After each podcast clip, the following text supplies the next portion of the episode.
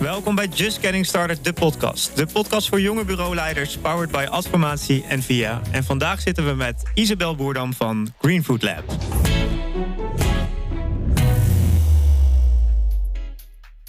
Isabel, welkom. Dankjewel, goedemorgen. Hallo, goedemorgen. Goedemorgen. Founder van uh, de Hippe Vegetariër, uh, Food and Lifestyle blog. Um, geestelijk moeder, denk ik, van de Nationale Week Zonder Vlees. En founder van Green Food Lab. En daar gaan we het vandaag over hebben. Hartstikke leuk. Hartstikke leuk. Heel leuk dat je er bent. Uh, laten we starten met, um, kun je kort vertellen uh, wat het moment was waarin jij dacht van, ik ga een bureau starten?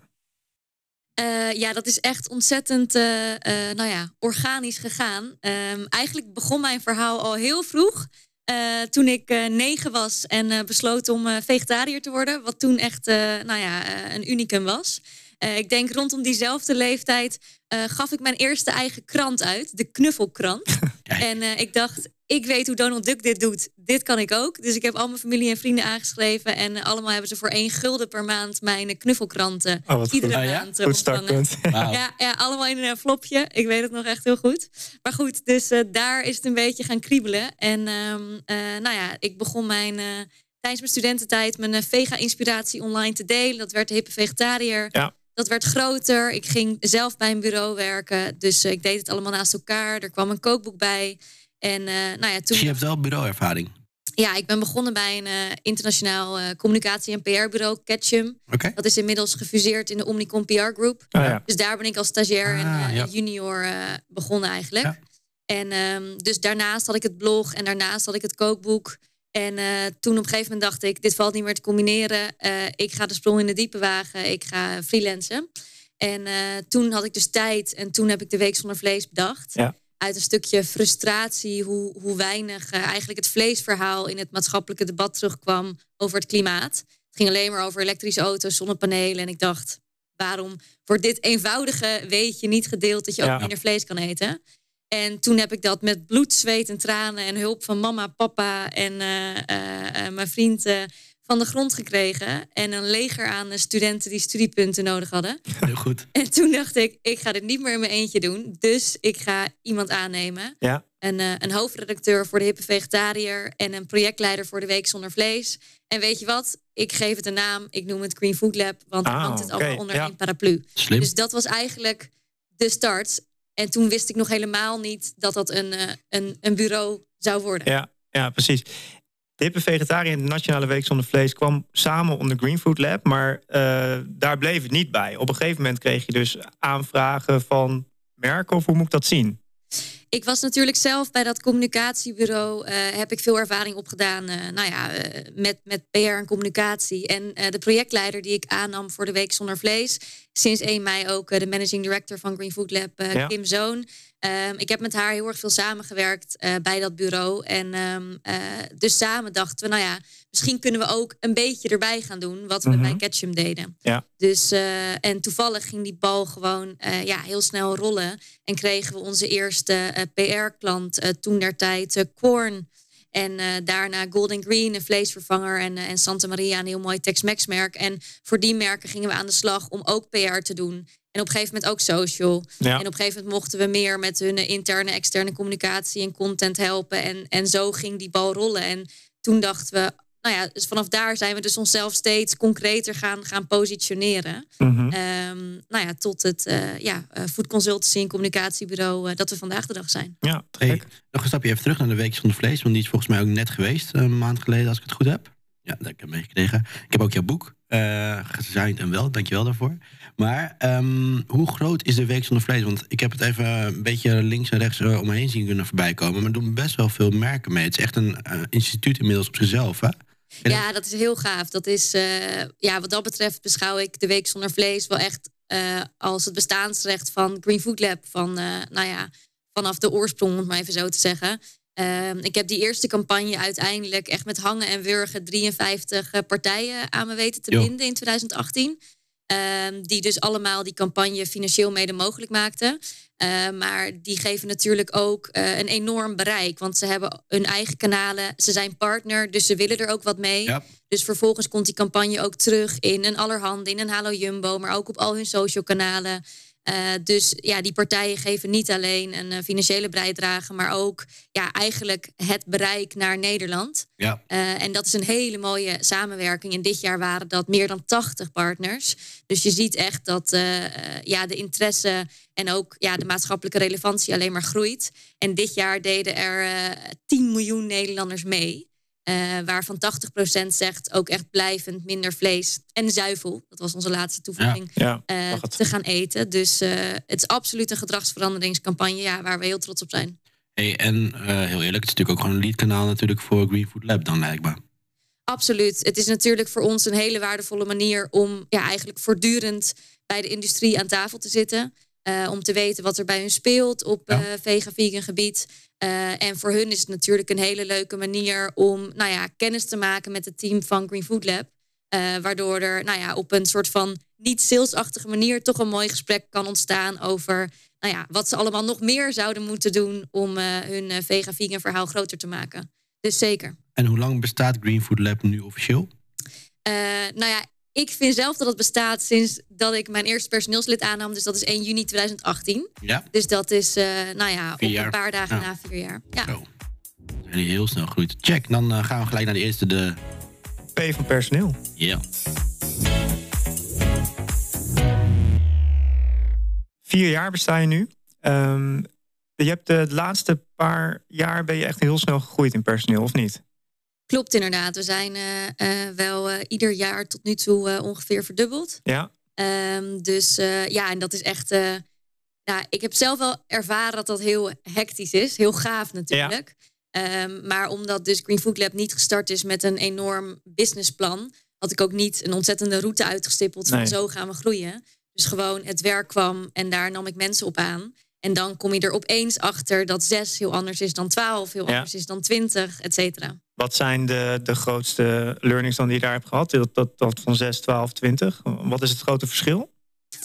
Um, nou ja, in het begin uh, uh, had ik geen, uh, geen organigram, geen functiehuis, geen salarishuis. Mm -hmm. Allemaal niks van het alles. En alles werkte omdat wij met z'n zessen wisten hoe wij samenwerkten. Ja, ja. Maar om dat aan een ander uit te leggen was eigenlijk onmogelijk. Dus je merkte dan ook als er iemand uitviel, ziek werd of opzij. Dan opeens was er een soort van zochten een duizendpoot. Mhm. Mm -hmm. Die al die kleine dingetjes van die persoon Ja. kon overnemen. Dus je merkte dat dat eigenlijk niet, uh, nou ja, dat daar geen consistentie in zat.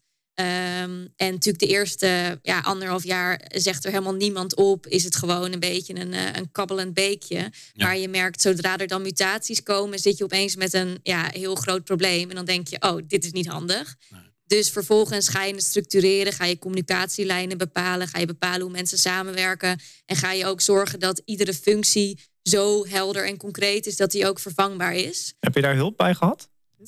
Uh, ja, ik heb een, uh, ja, eigenlijk een soort van vriendin, consultant, uh, iemand uit mijn netwerk met wie ik een hele goede klik had. En ik vertelde haar over nou ja, deze uitdaging. Want ook omdat je dan, omdat er geen structuur in zit, voelde ik me ook echt een soort van atlas die dat allemaal een beetje omhoog aan het houden was. Ja. Uh, alle gaten dichtlopen. Uh, ja, het afvalputje. Dat, ik moet zeggen, dat gevoel gaat nooit helemaal weg. Maar um, uh, toen heb ik wel gezegd, ik vind het Louis zwaar. Ja, kan je met mij meekijken Ja. hoe ik dit slimmer kan doen? En toen ben ik dus een organigram gaan bouwen. En ook uh, een salarishuis. Want mensen kwamen dan naar me toe. Ik vind dat ik salarisverhoging verdien. En dan dacht ik, ja, Ja, ik en ook. dan? Maar, basis uh, waarvan, en dan? ja. Dus allemaal van dat soort hele basale dingen. Zeg maar. Ik heb een vriend die heel erg uit de uh, zeg maar finance business komt. Ik denk echt dat hij af en toe naar mij kijkt van... hoe doe jij dit zonder dat je dit allemaal van tevoren... niet Ja. gewoon fatsoenlijk bedacht hebt. Maar goed, I learn while doing. Dus um, Want hoeveel, hoeveel mensen werken nu bij jullie? 25 plus Ja. stagiairs. Dus we zijn uh, met z'n 30 op kantoor. En um, ja, toen had ik zeg maar 12. En toen dacht ik, uh, nou eigenlijk waren we net qua capaciteiten krap. Dus toen dacht ik, chill, dan gaan we naar 15. Ja. En toen bij 15 dacht ik, fuck, het is nu te groot dat ik overal overzicht over heb. Ja. Maar het is te klein om in teams te gaan werken. Oké, nu gaan we naar 25. En dus nu ben ik zo gezegd waar ik naartoe wilde.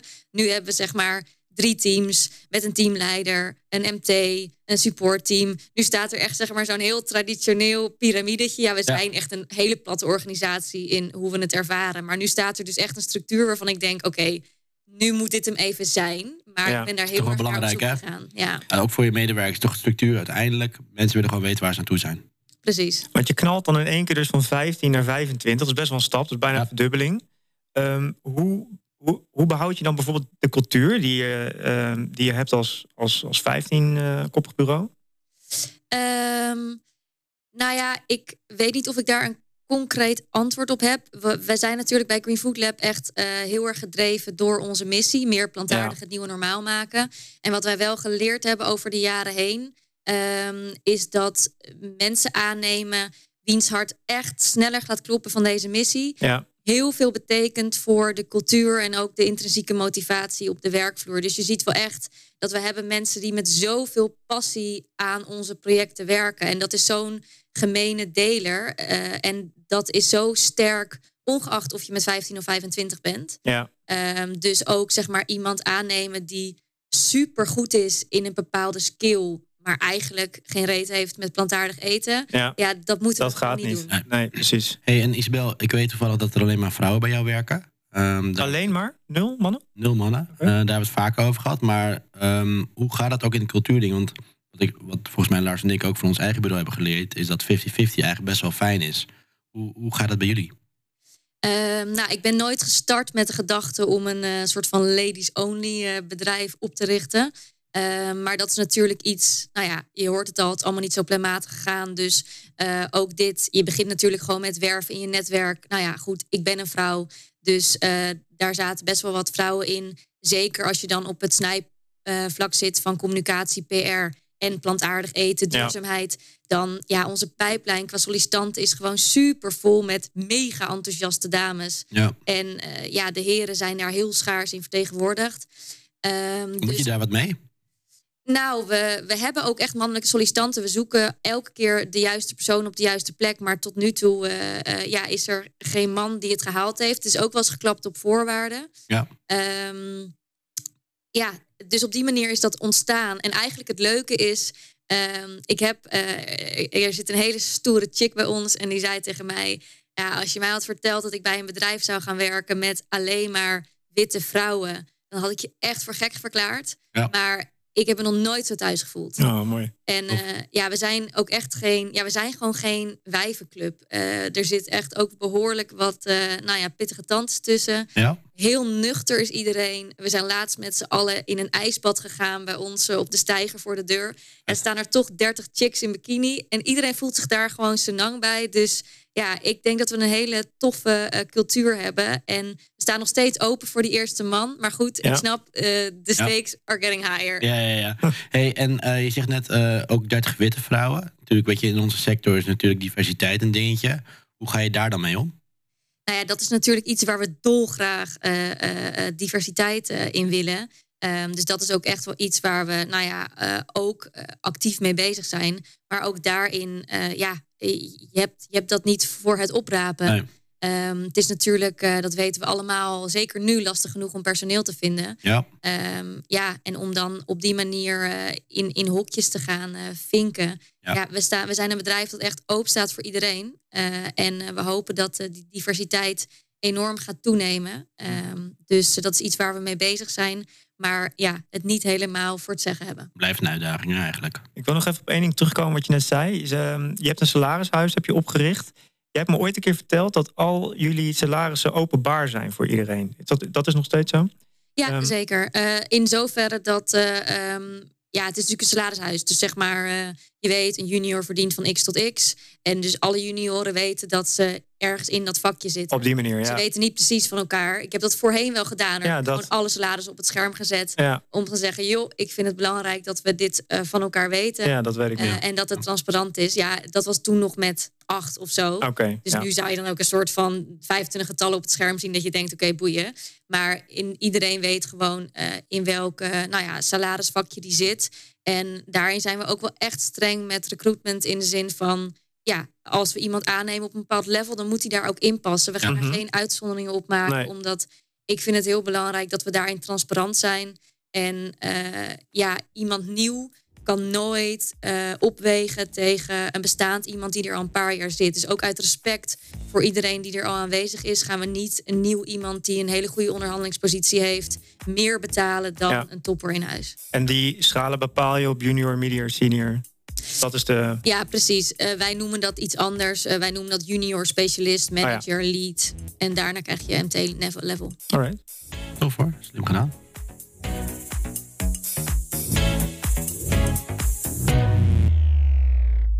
Dan gaan we door naar de volgende. Maar als laatste vraag. Uh, wat had je graag eerder willen weten op het gebied van personeel? Um, nou, zeker toen we 15 plus waren um, ja, was het voor mij echt best wel een harde les. Hoe uh, je, nou ja, net zoals je bezig bent met een nieuw BIS-pijplijn, hoe je eigenlijk bezig moet zijn met een uh, personeelspijplijn. Ja.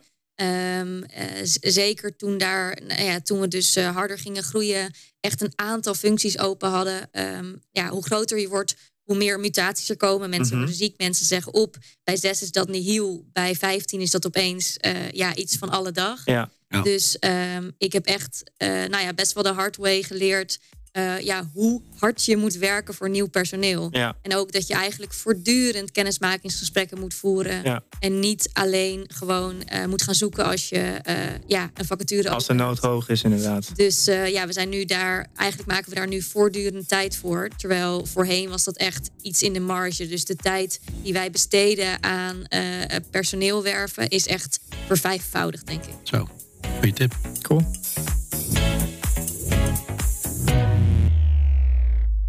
Cool, dan gaan we naar de P van proces. Um, je zei net uh, um, in, um, tijdens het personeelstukje van... in het begin van jouw organisatie was je een soort van afvoerputje wat uh, alles deed. Maar nu is het eigenlijk zover dat je jezelf misbaar hebt gemaakt in je organisatie... en dat je eigenlijk een soort van stap eruit doet. Hoe heb je dat, hoe heb je dat proces in vredesnaam zo ingericht? Uh, getting there. Ik, ik ben nog steeds niet helemaal misbaar, maar we zijn er wel heel hard naar onderweg. Um, inderdaad, ik heb per 1 mei nou ja, um, mijn dagelijkse leiding overgedragen aan, aan Kim Zoon, ja. Jody Vermeij en Floor van de Elshout. Dat, zijn, dat is ons nieuwe MT. en dat betekent dus dat ik uit de dagelijkse operatie ga stappen. Ja. Ja, dat is echt een heel lange weg geweest. Daar zijn we natuurlijk al een jaar mee bezig. Ja, ik, ik ben als ondernemer echt een bouwer. Ik vind het heel leuk om, om nieuwe dingen te starten. Ik vind het heel leuk om vorm te geven. Mhm. Om uh, uh, te denken, waar kunnen we naartoe? Uh, kansen zien. keihard dat gaspedaal indrukken. en dat is natuurlijk heel tof als je een bedrijf aan het groeien bent. Maar nu komt eigenlijk de tijd van consolideren, stabiliseren, professionaliseren. En ja, daar ben ik als persoon, heb ik daar niet de juiste energie voor. Zeg maar, ik ben er ongeduldig in. Ik vind het leuk als er de hele tijd dingen veranderen. Uh, als we nieuwe dingen gaan testen en proberen. Maar nu is het juist zaak om dus te zorgen voor die, uh, die stabiele basis. Daar heeft het team ook wel echt behoefte aan. Want ook voor hun is natuurlijk jaar op jaar op jaar verdubbelen. Ja, ja die werkomgeving verandert gewoon volledig. Ja. Dus, um, uh, en ik denk echt dat daar dus ook een andere type uh, ja, leiding bij hoort. Ja. En bovendien, ja, als je natuurlijk dat gaspedaal zo hard indrukt, dan op een gegeven moment uh, ja, merk je ook wel dat je batterij begint leeg te lopen. Hm. En dat ik denk, ja, ik weet niet eens meer hoe het voelt dat die batterij 200% vol is. Ja. Dus ik ga ook die batterij weer een keertje echt opladen. Wat goed. Ben je overspannen geweest of dat niet? Nee, nee, nee, beslist niet. Ik denk dat ik daar ook niet heel erg veel aanleg voor heb. Maar je merkt op een gegeven moment wel dat misschien dingen je meer energie kosten dan ze je opleveren. Ja. Uh, of dat, ja, dat je zo lang zo hard gewerkt hebt. Nou ja, dat je ook niet de, er meer van geniet op het niveau dat je zou willen. Weet je, Ja. mensen zeggen: Jezus, wat tof wat je gemaakt hebt. En je merkt dat je, dat je gewoon een beetje num geslagen bent. Ja, dat je dat niet helemaal kan voelen. Nee. En dat vind ik knetterzonde. Euphoria, snap ik. Ja. Hey, ehm, net een nieuw MT heb je eigenlijk geïnstalleerd, hè? Ehm, die dames werken natuurlijk al veel langer, eigenlijk vanaf het begin al. Maar eigenlijk is dat ook best wel een, korte periode. Heb je een nieuw MT, je stapt er zelf tussenuit. Gaat dat dan niet te snel ook?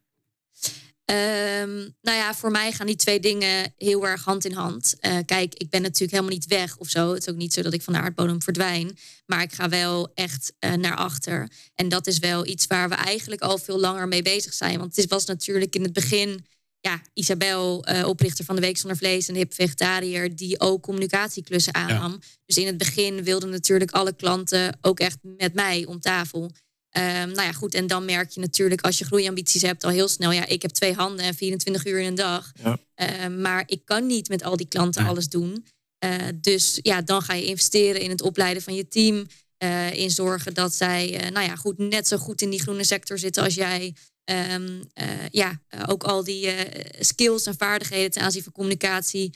Nou ja, net zo goed of nog veel beter beheersen dan ik. Waardoor op een gegeven moment klanten op je team gaan vertrouwen. Ja. Dus dat is echt al een, een proces waar we al heel lang mee bezig zijn. Om te zorgen dat klanten niet meer per se op mij leunen. Want dat is natuurlijk ook geen groeiperspectief. Nee. Ehm, dus wat dat betreft denk ik eigenlijk dat dit meer een soort van nou ja, eh, optelsom is van heel veel stapjes die we gezet hebben. En nu is dat MT er, waardoor ook zeg maar de, de, nou ja, ook de, de operationele leiding niet zozeer meer in mijn schoot ligt. Ja. En nu kan ik dus nou ja, naar achter gaan faseren om dan nou ja, vanaf eh, achter de schermen te kijken waar ik nog, eh, nog bij moet springen. Ja, want hoe gaat dat? Want ik weet bijvoorbeeld zelf, klanten vragen bijvoorbeeld, ik ben een van de oprichters natuurlijk, volgens mij heeft Lars hetzelfde. Mhm. Klanten vragen best wel vaak nog mij. Jij zal precies hetzelfde hebben. Dus hoe gaat die transitie van dat klanten niet meer om jou vragen, maar bijvoorbeeld Kim aan tafel willen hebben of iemand anders? Ehm, nou ja, dat is natuurlijk ook wel een beetje een kwestie van klanten opvoeden. Ehm, en eh, ja, ja, bij mij is het wel zo dat ze ehm, eh, zeker de, de meer senioren in de organisatie, die vertrouwen ze wel echt. We hebben ook Ja. net een aantal hele fijne mensen aangetrokken van Philips, van Lidl, van heel Nolten. Dus echt die hun eigen eh, waren twee per dames, zag geloof ik. Hè? ja, klopt. Die hun eigen eh, nou ja, eh, kennis en expertise en ook track record op zak hebben. Ehm, en dan ook van tevoren zeggen van oké, eh, dit is je vraag. Nou, we hebben daarvoor de perfecte consultant. Deze komt bij jou aan tafel. En dan is zijn klant echt niet zo dat ze zeggen, oh ja, maar dat wil ik niet. Ik wil Isabel. Dus Ja. dat, Ja. eigenlijk gebeurt dat niet meer. Maar dat is ook een kwestie door daar heel concreet op voor te sorteren en te zeggen, je krijgt deze persoon. Hey, ehm, en dan als we het over het proces zelf hebben, hoe gaat een project bij jullie door de tent heen? Ehm, nou ja, heel eerlijk. Eh, wij gaan, eh, eh, we zijn nu deze week overgestapt op Microsoft. Ehm, dus op dit moment is, is iedereen in lichtelijke paniek in Teams met chats en bliepjes en wordt iedereen helemaal lijp. Althans, Ja. ik, ik in het bijzonder misschien wel. Eh, en ehm, eh, we gaan einde van de maand over op Simplicate. Ehm, tot nu toe ging een project bij ons door de tent, doordat iedereen snapte hoe dat er doorheen ging. Ja, precies. Een soort schietgebedje. En toch ging het goed. Maar je merkt wel nu dus weer, weet je, dat is gewoon weer zo'n professionaliseringsmoment. Dat eh, je dus ook merkt van dat wij op een gegeven moment met, eh, nou ja, met het management dus eigenlijk merkten dat er fouten werden gemaakt. Dat we dachten, hoe hebben we dit over het hoofd kunnen zien? Mm. Maar dus dat je merkte dat het, het vangnet wat er op een bepaalde mensgedreven manier gewoon was, omdat we zo met elkaar samenwerkten, dat het vangnet niet meer werkte. Nee. En dus nu hebben we eh, teamleads, waardoor zij houden de projecten in de gaten van een clubje van nou gemiddeld zeven, zeg maar. Ja. Dat is natuurlijk al een stuk makkelijker. Ja. Dus überhaupt hebben we de structuur zo aangepast dat er eigenlijk verschillende vangnetjes gekomen zijn. Maar er moet ook wel echt inderdaad een projectmanagement systeem in. Ook om te zorgen dat ja, je bent met zoveel mensen. En ehm, ja, we hebben zeg maar eh, teams die eh, op een. ehm, we hebben een, een strategie- en communicatieteam. We hebben een, eh, een food content team en we hebben een activatieteam. Ja. Ehm, en nu is het zo, sommige klanten die opereren door die drie teams heen eigenlijk. Ja. Maar omdat die teams dus zo vakgespecialiseerd zijn, ja, doen al die teams verschillende dingen voor die klant. Maar dan is het natuurlijk wel fijn als die teams van elkaar weten wat er allemaal speelt. Ja. En niet de afstemming driedubbel gebeurt. Want dan ren je natuurlijk door je uren heen. Dus dat soort dingen ja, moeten we met Simplicate wel veel overzichtelijker gaan maken. Ja. Door vanuit één centraal punt te gaan werken. Ja. Dus eh, ja, daar zijn wij nu na vier jaar. Hey, En die, en die posities in die team, want de, de teams die je net beschrijft zijn helemaal niet traditioneel. Eh, dus heel leuk. Maar zijn die rollen dan die daarin zitten bijvoorbeeld wel traditioneel? Heeft elk team een pro- projectmanager? Hoe, eh, hoe zit het daar? Nee, dat is heel grappig. Ehm, eh, nou ja, goed, in, in die hele via Just Getting Started club ja, komen we erachter dat wij eigenlijk heel, ehm, eh, nou ja, laat ik het zeggen, origineel georganiseerd zijn. Ja, Eh, sowieso zijn communicatiebureaus wel vaak echt anders georganiseerd dan reclamebureaus. Ja. Ja. Dat is echt een, eh, een wereld van verschil. Dus wij zijn qua organisatie lijken wij veel meer op een communicatiebureau. Maar ja, dan ook wel weer met wat plukjes van reclamebureau. Dus eigenlijk zoals bij ons werkt, is dat eh, nou ja, die mensen in die teams, die teams die zijn opgebouwd met, uh, ja, um, uh, zal maar zeggen, dus even in traditionele taal sprekend, senior, medior en junior consultants met een, uh, nou ja, teamlead erboven. Um, en die zijn allemaal zowel, uh, kunnen we zowel accountmanagers zijn als Oh ja. inhoudelijk verantwoordelijk. Ah. Dus zeg maar um, in principe een, uh, een medior, iemand in het, uh, in het uh, communicatieteam. Nou, zal bijvoorbeeld een hele goede tekstschrijver zijn. Dus er moet een magazine geproduceerd worden. Dan is die persoon ook de accountmanager. Mm. Uh, dus die weet precies, die, die voert ook 60% van het werk uit samen met zijn junior. Um, uh, en managt dus ook dat project. Ja. Dus bij ons eigenlijk naarmate je uh, je ontwikkelt in de organisatie, groeit je klantverantwoordelijkheid. Maar dus uh, klanten zijn belegd uh, over het hele team eigenlijk. Oké. Okay. Ja, maar Isabel, ik heb uh, toevallig uh, vorige week met Lorenz, de partner van uh, Lars, heb ik een discussie gehad. Um, die was namelijk. Ik ben heel benieuwd. Ja, ze zijn, dat weet je nog niet. Ze waren op zoek, of ze zijn op zoek, moet ik zeggen, naar een strateeg, maar eigenlijk ook een account director. Ja. Twee in één. En toen had ik een discussie met hem. Ja, dat zijn volgens mij wel echt twee verschillende bloedgroepen. Een strategy director die gaat over de inhoud. En een account director die vraagt eigenlijk om geld. Wat kunnen we voor je betekenen, et cetera. Die twee bloedgroepen zie ik niet heel vaak samen. Nu zeg jij een copywriter en een, iemand die dan ook verantwoordelijk is voor het account. En eigenlijk ook het account moet laten groeien. Past dat wel in één bloedgroep? Nou ja, dat is natuurlijk ook wel een gesprek dat wij ongoing met elkaar hebben. Alleen ja, we zouden wel echt de hele organisatie moeten omgooien als je dit anders wilt gaan regelen. Want wat je dan namelijk krijgt, en dat is de reden waarom we het tot nu toe steeds op deze manier georganiseerd hebben, is dat er dan dus een accountmanager is die zegt, nou klant, uh, hier heb je je magazine, uh, ik hoor graag wat je ervan vindt. Dan heeft de klant feedback. Nou, dan paast die dat weer door naar de copywriter. Maar bij ons is het zo dat dus die copywriter nou aan tafel zit en zegt: Nee, maar klant, ik heb dit heel bewust gedaan, ja. want dit, dit en dit. En Ja. dit hebben we eerder besproken. En ja, maar je moet rekening houden met de tone of voice van je doelgroep. En dan zegt de klant: Oh, maar dan ben ik wel akkoord. En dan in plaats van dat dat dus heen en weer gepingpongd wordt door iemand die ja, totaal niet de keuzes kan verdedigen die er gemaakt zijn. Ja, is wat ons betreft toch wel voor de efficiëntie en ook voor het inhoudelijke gesprek met de klant. Ja, wel heel belangrijk. En Maar kan diegene dan ook het account laten groeien? nou ja, kijk, en daar zit natuurlijk wel een stuk uh, de, de, de, de managers, wat dan de meer senior types Ja. zijn bij ons in het team. Ja, dat zijn natuurlijk wel, je, je wordt bij onze manager als je ook dat soort Ja, vaardigheden hebt. Ja. Ja. Dus dat zijn wel mensen die. uh, en kijk, je kan ook, er zijn verschillende wegen naar Rome. Hè, dus je kan ook zo'n account laten groeien, omdat je inhoudelijk zo supergoed bent dat uh, ze meer van dat type werk bij je neer willen leggen. Ik bedoel, uh, um, nou ja, de een doet het vanuit de inhoud, de ander doet het vanuit de relatie, Ja, uh, de volgende doet het vanuit het netwerk. Um, dus uh, het zijn in ieder geval mensen die, die de skills hebben om dat op hun eigen manier te laten groeien. Ik denk dan ook inderdaad dat inhoud en ehm, account, het gaat, eh, kan best goed bij elkaar gaan. Ja, Daarom zijn we er ook naar op zoek. we gaan Dus, het meemaken. hey, ehm, als laatste vraag over het proces. Wat had je graag als of eerder willen weten over dit onderwerp? Oeh, um, nou, ik weet niet. Dit haakt dan vooral denk ik een beetje aan op, op, op, op mijn eigen uh, proces. Um, ja, ik ben natuurlijk gewoon op een dag begonnen met personeel aannemen, Ja. omdat ik meer werkideeën had dan ik met mijn eigen twee handen aankon.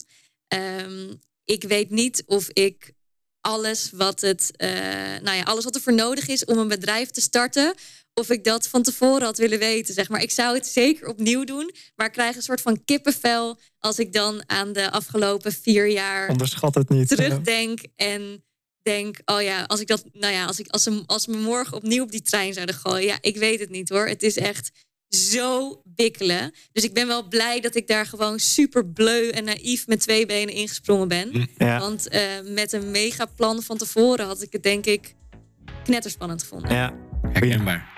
Cool. Dan gaan we door naar Lucas. Lucas, prangende vragen. Ja, Isabel, eh, als ik, als ik jou zo hoor, uh, lijkt het eigenlijk alsof je uh, er nog middenin zit. Terwijl je uh, nou, terecht al aangaf, ik heb juist een stap opzij gezet. Ja, vind je het moeilijk om het los te laten? Of hoe moet ik dat eigenlijk voor me zien? Uh, nou ja, we hebben met het uh, MT echt een heel concrete ja, roadmap afgesproken. Die loopt eigenlijk al sinds, uh, sinds 1 januari van dit jaar. Waarin ik dus allemaal plukjes van verantwoordelijkheden over ben gaan dragen. Zo simpel als vanaf 1 mei maak jij de salarissen over. Mhm. Zeg maar, nou ja, echt ook op dat miniatuurniveau naar ook een hoger niveau. En ehm, nou ja, nu is gewoon de afspraak dat zeg maar tot 15 juni ben ik nog uh, volle bak aanwezig. Dat heeft ook een stukje te maken met, uh, met capaciteit. Er zijn op dit moment veel vakanties. Dus ik loop op dit moment gewoon nog helemaal mee. Um, en ook om te kijken natuurlijk met het MT van oké, okay, um, ja weet je wel, loopt het nu allemaal? Ik zit mm. nu ook gewoon veel naast dingen ja. waar ik dan voorheen de leiding in nam en dan nu gewoon ja. op mijn handen zit. En bij kan springen. Dus het is een soort inwerkproces ook eigenlijk. Ja, voor, eigenlijk wel. Dus, dus dat is um, uh, het geval tot, tot 15 juni. Dan ga ik ook even twee weken op vakantie. En dan in de maand juli nou ja, loopt de roadmap een beetje af in zoverre dat... Uh, dan ben ik ook echt minder op, uh, op kantoor aanwezig. En, je, houdt, je houdt zeeën van tijd over dan. Uh, jouw kennende, zou ik maar zeggen. Als je het vergelijkt. Ja, precies. Als je vergelijkt met de afgelopen vier jaar. Um, jij lijkt me tegelijkertijd niet een type dat graag stil zit. Dus ja, nou, dan is het de vraag: wat ga je doen? nou ja, wat ik al zei, ik ga sowieso een batterij opladen. Dus ik wil ook wel gaan reizen. Maar daarnaast ja, kriebelt er natuurlijk heus van alles. Ik hoop wel of ik ga mezelf op een leuke manier dwingen om daar niks mee te doen. Totdat ik me echt even goed verveeld heb. Ja. Uh, want ik zou wel god niet weten hoe vervelen eruit ziet. Ja, gaat dat je lukken? Vervelen? Ja, ik hoop het. Ik hoop echt wel een iets meer zen persoon te worden. Ja. ja, nu af en toe echt dan in het weekend, als ik dan niet aan het werk hoef, dan kan ik echt een beetje met mijn ziel onder mijn arm zitten. Van of ik ga nu heel veel bier drinken, ja. of ik pak toch mijn laptop.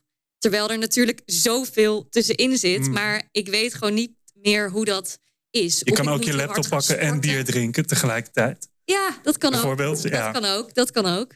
Dus um, nee, dus ik hoop gewoon dat ik denk, oh, ik ga een mooie wandeling maken. Nee, precies. Oké, maar, maar op, op een gegeven moment zal, zal het ongetwijfeld gaan kriebelen. Dat je denkt van oké, ik, ik, ik wil nu weer aan de bak.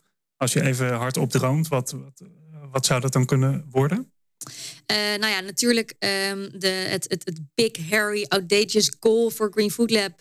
Mm. Um, eigenlijk was mijn big, hairy, audacious goal ongeveer wel waar ik nu ben, zeg maar. Om ja. te kijken. En is het ook een proof of the pudding, hè? Weet je wel, kan dat bedrijf, heeft het bestaansrecht zonder mij? Is het volwassen genoeg ja. om nu op eigen poot te staan?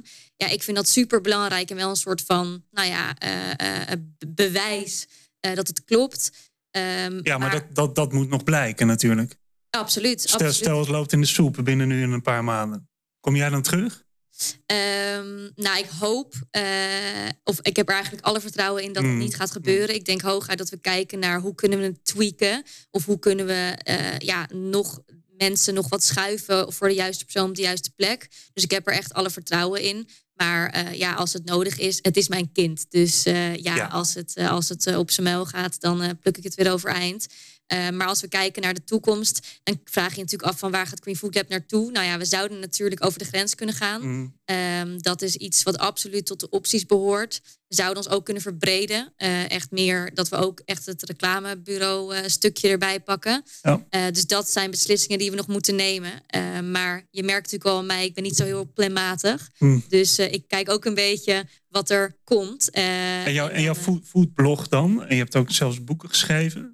Ja, die zijn absoluut onderdeel van Green Food Lab en die worden mede gerund door datzelfde team. Ja. Dus dat maakt ons natuurlijk ook wel wel wat anders. Um, daar, daar zou je meer tijd in kunnen steken straks, bijvoorbeeld.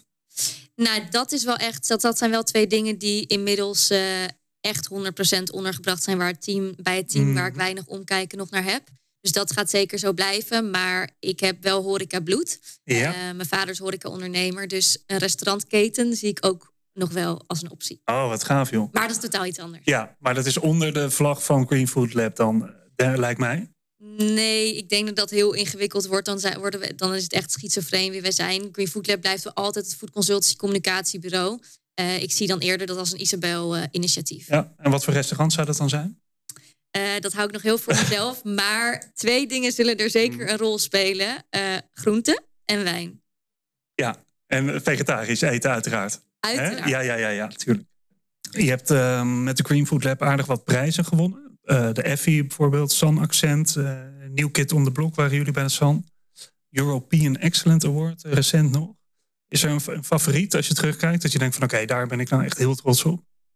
Um, Ik denk, ja, voor mij was de New Kid on the Block wel echt een hele bijzondere prijs. omdat dat ook echt een prijs was voor ons als Ja. bureau. Ja. Uh, en voor mij was dat eigenlijk de eerste keer dat ik voor mijn gevoel door de communicatiebureau sector echt um, nou ja, de waardering kreeg voor, voor het bureau uh, dat we zijn. Ja. En dat is dan ook niet een prijs voor mij alleen, maar echt uh, ja, voor het hele bedrijf en dus ook het hele En het team, ja. Ja. ja. Is er eentje die je nog zou willen winnen? Uh, ja, ik hoop natuurlijk uh, uh, beste bureau over vijf jaar. Ja. Go Spooky is natuurlijk on de shortlist. Ja, ik zeker. wel zo'n. ja, bij, de, bij de San hè, heb je het dan over? Ja. ja. ja. Oké. En als je terugkijkt, wat, wat, wat is de, de legacy die je hebt achtergelaten met jouw bureau? Platform. Ik denk dat uh, um, wij uh, een enorme speler zijn geweest in het op de kaart zetten uh, van vega plantaardig in Nederland. Ik denk echt dat, nou ja, met de hippe vegetariër was ik daar als persoon echt een voorloper in. Maar ook als bureau zijn we daar een enorme voorloper in. En de Week Zonder Vlees is echt het grootste minder vlees initiatief van Nederland. Wat uh, ja, denk ik echt een uh, hele grote uh, gedragsverandering teweeg brengt. Ja. En ook nog zal brengen. Dus ja, daar ben ik wel heel erg trots op. Daar, daar mag je ook trots op zijn, ja. Ja, prachtig. Dankjewel. Alsjeblieft. De P van Poen Cash. Um, 25 mensen, dat is niet gratis. Kan je iets vertellen over jullie grootste inkomstenbron? Of jullie verschillende soorten inkomstenbronnen? Uh, ja, zeker. Nou ja, uh, bij ons zijn, is natuurlijk de grootste inkomstenbron... Uh, ja, zijn al onze communicatie- en, en PR-diensten. Mm -hmm. Dus nou ja, die drie teams die we hebben en, en alles wat zij doen voor klanten... Maar ik denk wel iets waar wij al het tweede jaar mee gestart zijn. En, en, waar ik echt heel erg blij mee ben. Is dat wij um, niet uurtje factuurtje werken. Maar okay. eigenlijk voor 80% van onze diensten vaste prijzen hebben. Okay. omdat we merken dat, nou ja, bijvoorbeeld, we worden heel veel gevraagd voor um, vegetarische plantaardige productintroducties. Ja. Um, ja, daarvoor hoeven we niet iedere keer opnieuw hetzelfde wiel uit te vinden. Daar zijn er toch wel een aantal activiteiten die gewoon zeker uh, moeten gebeuren. Ja. En natuurlijk uh, vul je die op een, op een uh, nou ja, creatieve en op maat manier in. Maar dus een, een persbericht kost X, influencercampagne, small, medium, full kost Y. Okay. En daarvoor hebben we dus echt een menukaart. Ja. Um, Die nou heb ja. je liggen. Dat is echt wel, je hebt eigenlijk dingen heel gestandardiseerd, hè? Ja, inderdaad. Een heel, uh, een heel gestandaardiseerd uh, dienstenaanbod. En dat breiden we voortdurend uit. En we scherpen dat Ja. voortdurend aan. Slim. Uh, maar het, het grote voordeel daarvan is dat A, klanten hebben heel snel een idee wat het kost als wij iets voor hen doen. -hmm. Want dat vond ik wel lastig bij het bureau waar ik hiervoor werkte. Ja, dan gaan we eerst eventjes een offerte maken. Um, en daar ben je dan heel lang mee bezig, want je bent helemaal aan het uitsplitsen. Ja. En nu zegt een klant tegen mij van, nou ja, ik wil een productintroductie doen. En dan zou, kan ik zeggen, nou, als je klein wil, kost het 10. En als je het uh, all the way wil, kost het 30. Ja. En alles daartussenin is mogelijk. En dan weten ze gelijk, we kunnen met jou werken of niet. Ja, en dan heb je natuurlijk hele concrete voorbeelden van dit is groot, dit is klein. Dus het is ook best wel tastbaar, kan ik me voorstellen, wat ze dan, uh, wat ze dan krijgen. Ja, absoluut. Dus, uh, dus ook qua, qua zeg maar deliverables en zo wordt dat, wordt dat super concreet. Mm -hmm. En het financiële gesprek duurt daardoor dus ook korter eigenlijk. Ja, kijk, en natuurlijk zijn er zeg maar ingewikkeldere vragen van, Tuurlijk. van grote campagnes of, uh, of jaarklanten. En, en daar ziet dat er dan heel anders uit. Maar zeker voor die, ja, wij, wij werken toch ook wel veel projectmatig. Is dit een hele fijne manier van werken. En dat betekent natuurlijk ook dat onze diensten, um, nou ja, qua tarief natuurlijk gebaseerd zijn op de uren. Maar ook op een bepaalde waarde. Ja, ja, dat we precies. dingen vaak doen, uh, worden wij ook handiger in sommige dingen. Mm -hmm. Uh, maar de waarde blijft gelijk. Ja, Hey, en um, hoe werven jullie klanten, komen klanten? Want jullie hebben een hele duidelijke niche, wat denk ik heel erg sterk is. Um, is het grote voordeel daarvan dan ook gelijk dat klanten jullie weten te vinden, waardoor je minder werving hoeft te doen? Of werkt het niet zo? Uh, dat heeft de eerste drie jaar zeker zo gewerkt. Wat je natuurlijk al aangaf, uh, dankzij de Week zonder vlees en zuivel... Ja, zitten wij heel goed aan tafel bij die partijen. Dus weten we heel erg goed wat er speelt. Tegelijkertijd merk je natuurlijk wel... Ja, je zegt dat Lars, uh, dat enorm personeelsbestand is niet gratis. nee. En daarmee groeit natuurlijk ook de, de nieuw behoefte. Je kan Ja. ook maar zoveel uit je bestaande klantenbase halen. Dus je moet dat blijven aanvullen. Hoe doe je dat? Uh, nou ja, we hebben nu sinds um, uh, nou, drie kwart jaar uh, iemand echt aangenomen nou ja, voor sales. Oké. We noemen het dan client development, want het klinkt wat hè, Ja, friendlier. Ehm, maar dat is wel echt heel erg fijn. Want eigenlijk was ik degene die al een nieuw, nieuw business deed. Omdat ik dat gewoon leuk vind en me dat makkelijk afgaat. En ik nou ja, een groot netwerk heb en het heel leuk vind om met die partijen mee te denken. En altijd tientallen ideeën voor ze heb. Ja. Eh, maar dan merk je wel, oké, ik heb twee handen en nog zoveel andere verantwoordelijkheden. Dus daar moet iemand bij. En dan merk je wel, nou ja, met dubbele energie levert dat al wel veel meer op. Mm. Ehm, maar nieuw business, ja, is wel, dat is denk ik op dit moment wel onze grootste uitdaging om uh, ja, dat ook de heet het op de juiste momenten naar binnen te trekken. Ja. Bijvoorbeeld Q1 is voor ons altijd heel druk, ook omdat natuurlijk veel van onze klanten ook iets willen met de week zonder vlees als haakje, zeg maar. Ja. Dus dan snijdt het mes aan twee kanten, maar ook qua drukte. Want we zijn die campagne op poten aan het zetten en onze klanten willen daar allemaal iets mee op dat moment. Uh, maar Q2 is dan vaak wat luwer. Ja. En eigenlijk ja, is, dat, is dat zonde, want dan weet je dat Q3, Q4 wordt waarschijnlijk echt Ja. weer aanpoten. Ja. En eigenlijk willen we, zijn we er naartoe aan het werken voor het team om iets minder piek en dalen te hebben. Maar dan moet je je nieuw BIS-pijplijn zo goed op orde hebben. Mhm. Ja. Eh, ja, en, en dat is nu gewoon nog niet zo. Ehm, maar die niche helpt er wel heel erg in dat partijen ons weten Ja. te vinden. Alleen dat zijn dan natuurlijk, dan worden die naarmate je groeit, is zo'n projectmatig opdrachtje van 25k opeens niet, zet opeens niet meer zo heel veel zoden aan. Nee. Nee, precies. precies.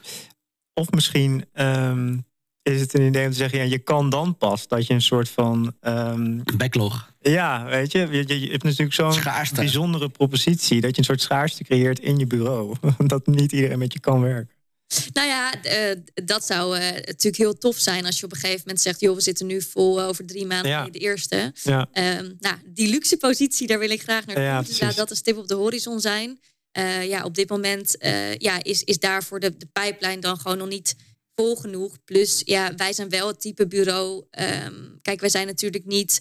eh, we doen vaak natuurlijk de below the line campagnes. Wat wil zeggen dat wij vaak echt een beetje aan het einde van het proces worden ingehaakt. En dan is het vaak, oké, over drie weken eh, hebben we deze productintroductie. Kan je ook nog iets doen met PR? Ja, ja. en dan kunnen we bijna niet anders dan meteen gaan rennen. Dus Ja. ook eerder in, de, nou ja, in het proces, in de keten erbij komen, zou voor ons heel waardevol zijn. Hey, en eh, je ging op een gegeven moment, eh, we komen er steeds op terug, maar van 15 naar 25 eh, personen. Had je op dat moment voldoende cash op je bank om dat in één keer te doen? Of was het spannend? Hoe ging dat?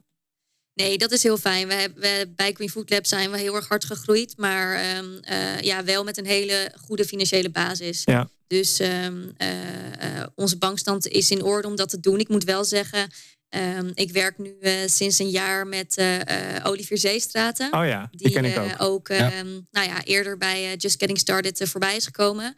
Ja, dat was wel echt heel waardevol. En ik heb toen met hem eh, ik ging met hem werken mid 2021. En toen heb ik met hem een dashboard gebouwd. En toen heb ik met terugwerkende kracht onze cijfers ingeklopt. Ja, En eigenlijk de reden dat ik met hem ging werken, is dat ik eh, op een gegeven moment in een serie van acht weken echt mijn banksaldo zag verdampen. En toen dacht ik, wat heb ik gemist? Ja. Hoe kan dit? En bij mij is het meestal zo dat ik dan tegen zo'n muur aanloop. ja. Net niet hard genoeg dat het fout gaat. En- Maar dat ik denk, oké, ik moet dit anders gaan aanpakken. En wat toen, had je toen gemist?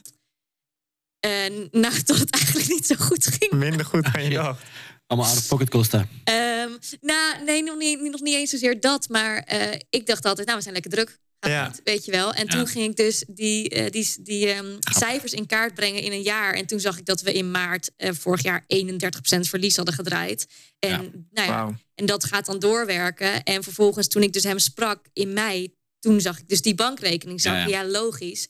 Plus, ja, ook zo'n mega, mega basisdingetje. Maar wij stuurden facturen altijd achteraf. Maar echt na de rapportage. Dus dan waren we voor sommige klanten al drie maanden bezig. Nu beginnen we met 75% va- vooruit te factureren. Dat maakt zo'n wereld van Wereld verschil. van verschil, ja. Maar lukt dat ook bij corporates? Want mijn ervaring is dat corporates die willen gewoon alleen achteraf. En die gaan niet even 75% voor, 25% na. Gewoon voor Eigenlijk, event, misschien als je iets moet voorfinancieren, ja. Maar niet voor het hele factuur. nou, het gaat vrij vaak goed. Eigenlijk, ja. Dus, eh, ehm, Moeten we ook maar eens mee beginnen dan. Nou ja, wij doen het al. Oh, nou, Ja, nee, heb je, ja, heb je wat geleerd? Ja, goeie. Gewoon Hey. doen. Ehm, wat ik me ook nog wel afvraag, hè. Ehm, jij gaat nu een stap terug doen, komen we weer op terug. Ehm, heb je ook voor jezelf een soort exit scenario? Leuke vraag. Eh, eerlijk gezegd, niet echt. Ik weet dat, dat, nou ja, dat op een gegeven moment het goed is als je dat zo heel concreet in je hoofd hebt, omdat je er dan naartoe kan gaan werken. Maar ik weet in ieder geval, kijk, tuurlijk lijkt het me mooi om Green Food Lab wellicht op een dag te verkopen. Ehm, eh, ook omdat misschien je dan met elkaar alles eruit hebt gehaald. En je kan dit niet nog 30 jaar doen. Zeg maar, dan gaat gewoon de sexiness er vanaf. En je wilt toch het restaurant openen en betalen?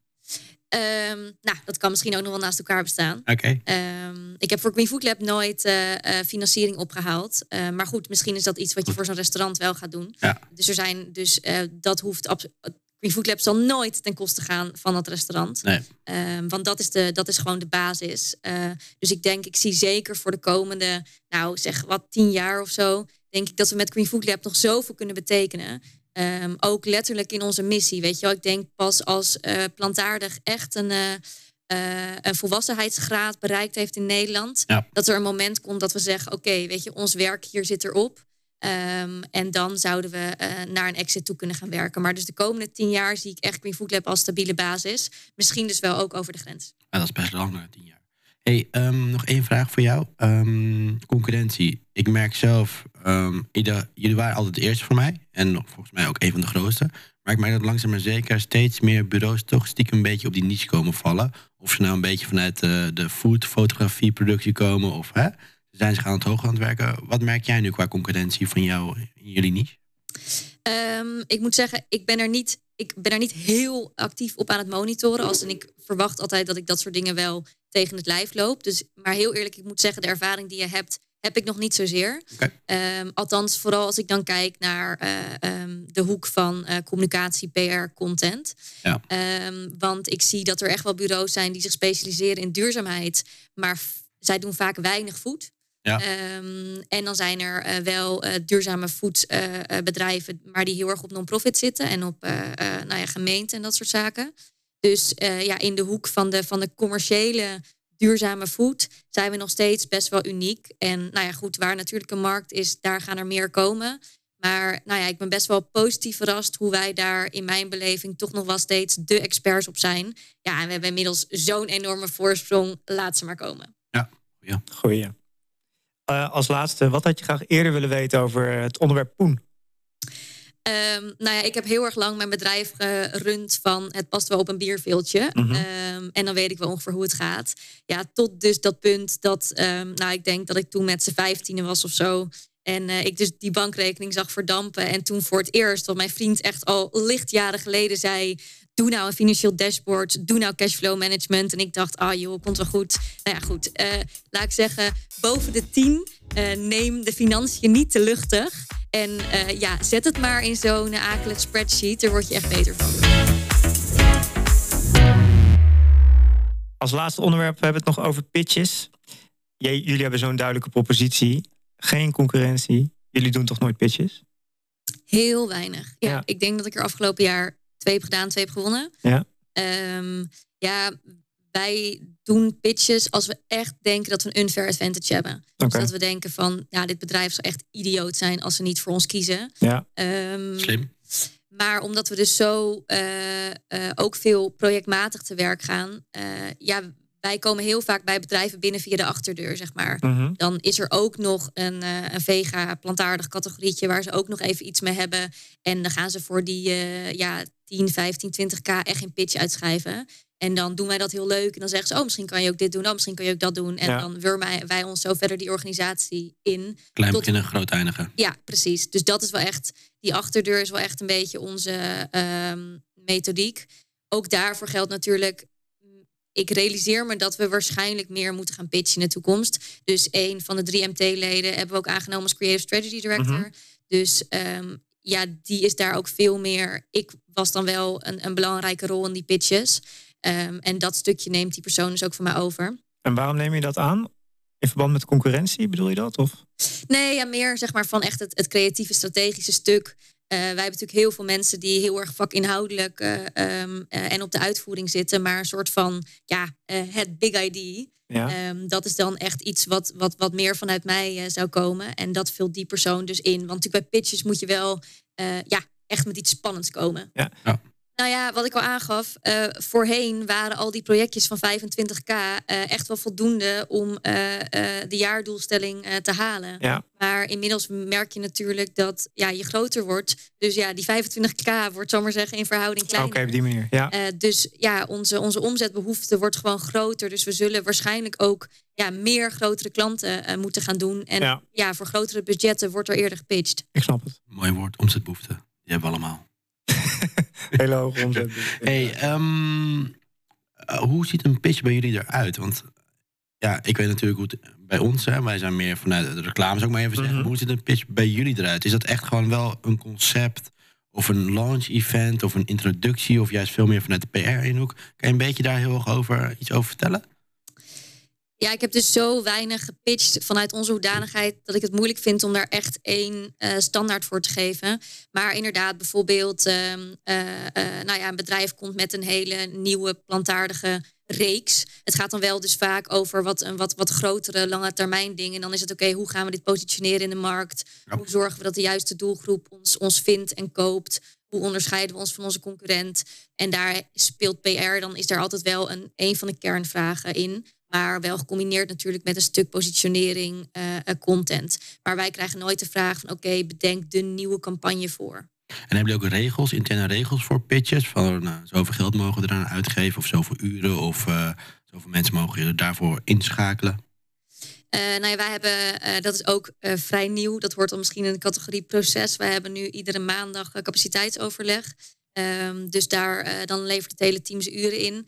Ja, ik denk Voorheen hadden we dat proces dus niet. Dus ik heb nog nooit een pitch uh, aanvraag gekregen sinds we dit hebben. Maar hoe verwacht ik dat dat gaat? Dan kijken we daar met elkaar. Oké, zien we dit de komende maand in de capaciteit passen? Ja, en als het antwoord daarop nee is, nou ja, dan zou ik meestal zeggen: Oké, dan ga ik het wel s'avonds doen, want ik vind het te leuk. Ja. Uh, maar uh, in de volwassen state of mind zeggen we dan: Oké, okay, ja, hebben echt een unfair advantage. Nou ja, goed, dan moet er dus iets, dan moeten we plaats gaan maken. Dan moeten we er extra mensen bij gaan trekken. Um, maar uh, ja, op die manier kijken we daarnaar. Niet zozeer heel erg, uh, eigenlijk altijd capaciteitsgedreven. Want ja, als er capaciteit is, die mensen ja, zitten toch die 40 ja. uur op kantoor, dus dan kunnen ze er tijd aan besteden. Ja. Oké, okay, als laatste, wat, heb je nog één learning die je kan delen over pitches? Nou ja, ik, ik zou wel voor jezelf daar een hele duidelijke visie op hebben. ja, when to pitch en when not to pitch. Dus wat ons betreft, als wij ervan overtuigd zijn dat we dat ding gaan winnen, omdat we echt de enige goede partij ervoor zijn, dan doen we het en, en anders niet. En zoiets moet je wel hebben, maar dan voor jezelf. Cool. Unfair advantage. Ook een mooi woord, Daniel. Dat is zeker waar. Yes, nou dan eh, zijn we er bijna. Um, Lars, wat heb jij vandaag geleerd uh, van Isabel, wat je vooraf nog niet gerealiseerd had? Um, verkopen naar waarde. Dat vind ik wel heel interessant. Um, wij zijn echt een, een, een urenfabriek, om het heel erg plat te slaan. Niet zo uh, waardevol dus? Nou ja, wel zeker waardevol. Maar je, je verpakt alles in uren. Terwijl uh, dingen dan soms misschien eigenlijk wel te goedkoop worden. Ja, vind ik een hele goede. Ja, eens. Um, voor mij zelf is eigenlijk, uh, want wij zijn nu inderdaad uh, mannetje 15, 18 mensen groot. Um, die, dat je eigenlijk continu uh, je personeelpipeline vol moet gooien. Vind ik een hele goeie. Want um, wij hebben gewoon inderdaad random mensen die solliciteren en daar het gesprek mee aangaan. Daarvan, ja, we zijn nu niet op zoek. Maar dat is heel erg waardevol, uh, heb ik nu geleerd. Dus uh, dat gaan we iedereen voortaan gewoon uitnodigen. Dat ja. is volgens mij het devies. Absoluut, ik zou het je echt aanbevelen. Ga je plezier van hebben. Tof. Hey, um, gaan we afsluiten met uh, eigenlijk de belangrijkste vraag. Voordat je je bureau was gestart, hè, en eigenlijk gewoon je hele netwerk, zou ik maar even zeggen. Wat is de grootste les die jij jezelf geleerd hebt, waar je nu veel bewuster van bent? Jeetje, wat een diepe vraag. Um, nou, ik denk dat ik geleerd heb dat ik wel een hele taaie ben. Uh, als in, als ik, uh, nou ja, uh, ik denk dat, dat, dat, dat weinig mensen um, dezelfde uh, energie zouden hebben om, om, om, om, om een bureau te starten en dat op zo'n tempo uh, nou ja, uh, vol te houden. Ja. Dus um, ik denk dat ik wel veel over mezelf geleerd heb. En tegelijk ben ik dan ook wel weer heel trots dat ik dus nou ja, vandaag voor het eerst in een aantal jaar echt, echt voor mezelf kies. Voor de privé Isabel. Ja. En dat is ook lang geleden. Mooi, wijs worden. Dat was hem, dames en heren. Dank je wel. Isabel, super bedankt. Uh, heel waardevol gesprek. Heel veel mooie insights. Leuk om te doen. En uh, ja, het gaat je goed, denk ik. Uh, geniet van je vrije tijd vooral. En we komen elkaar vast nog even tegen. Ik ga jullie op de hoogte houden. Heel fijn. Succes, dame. Dank je wel voor dit mooie woorden.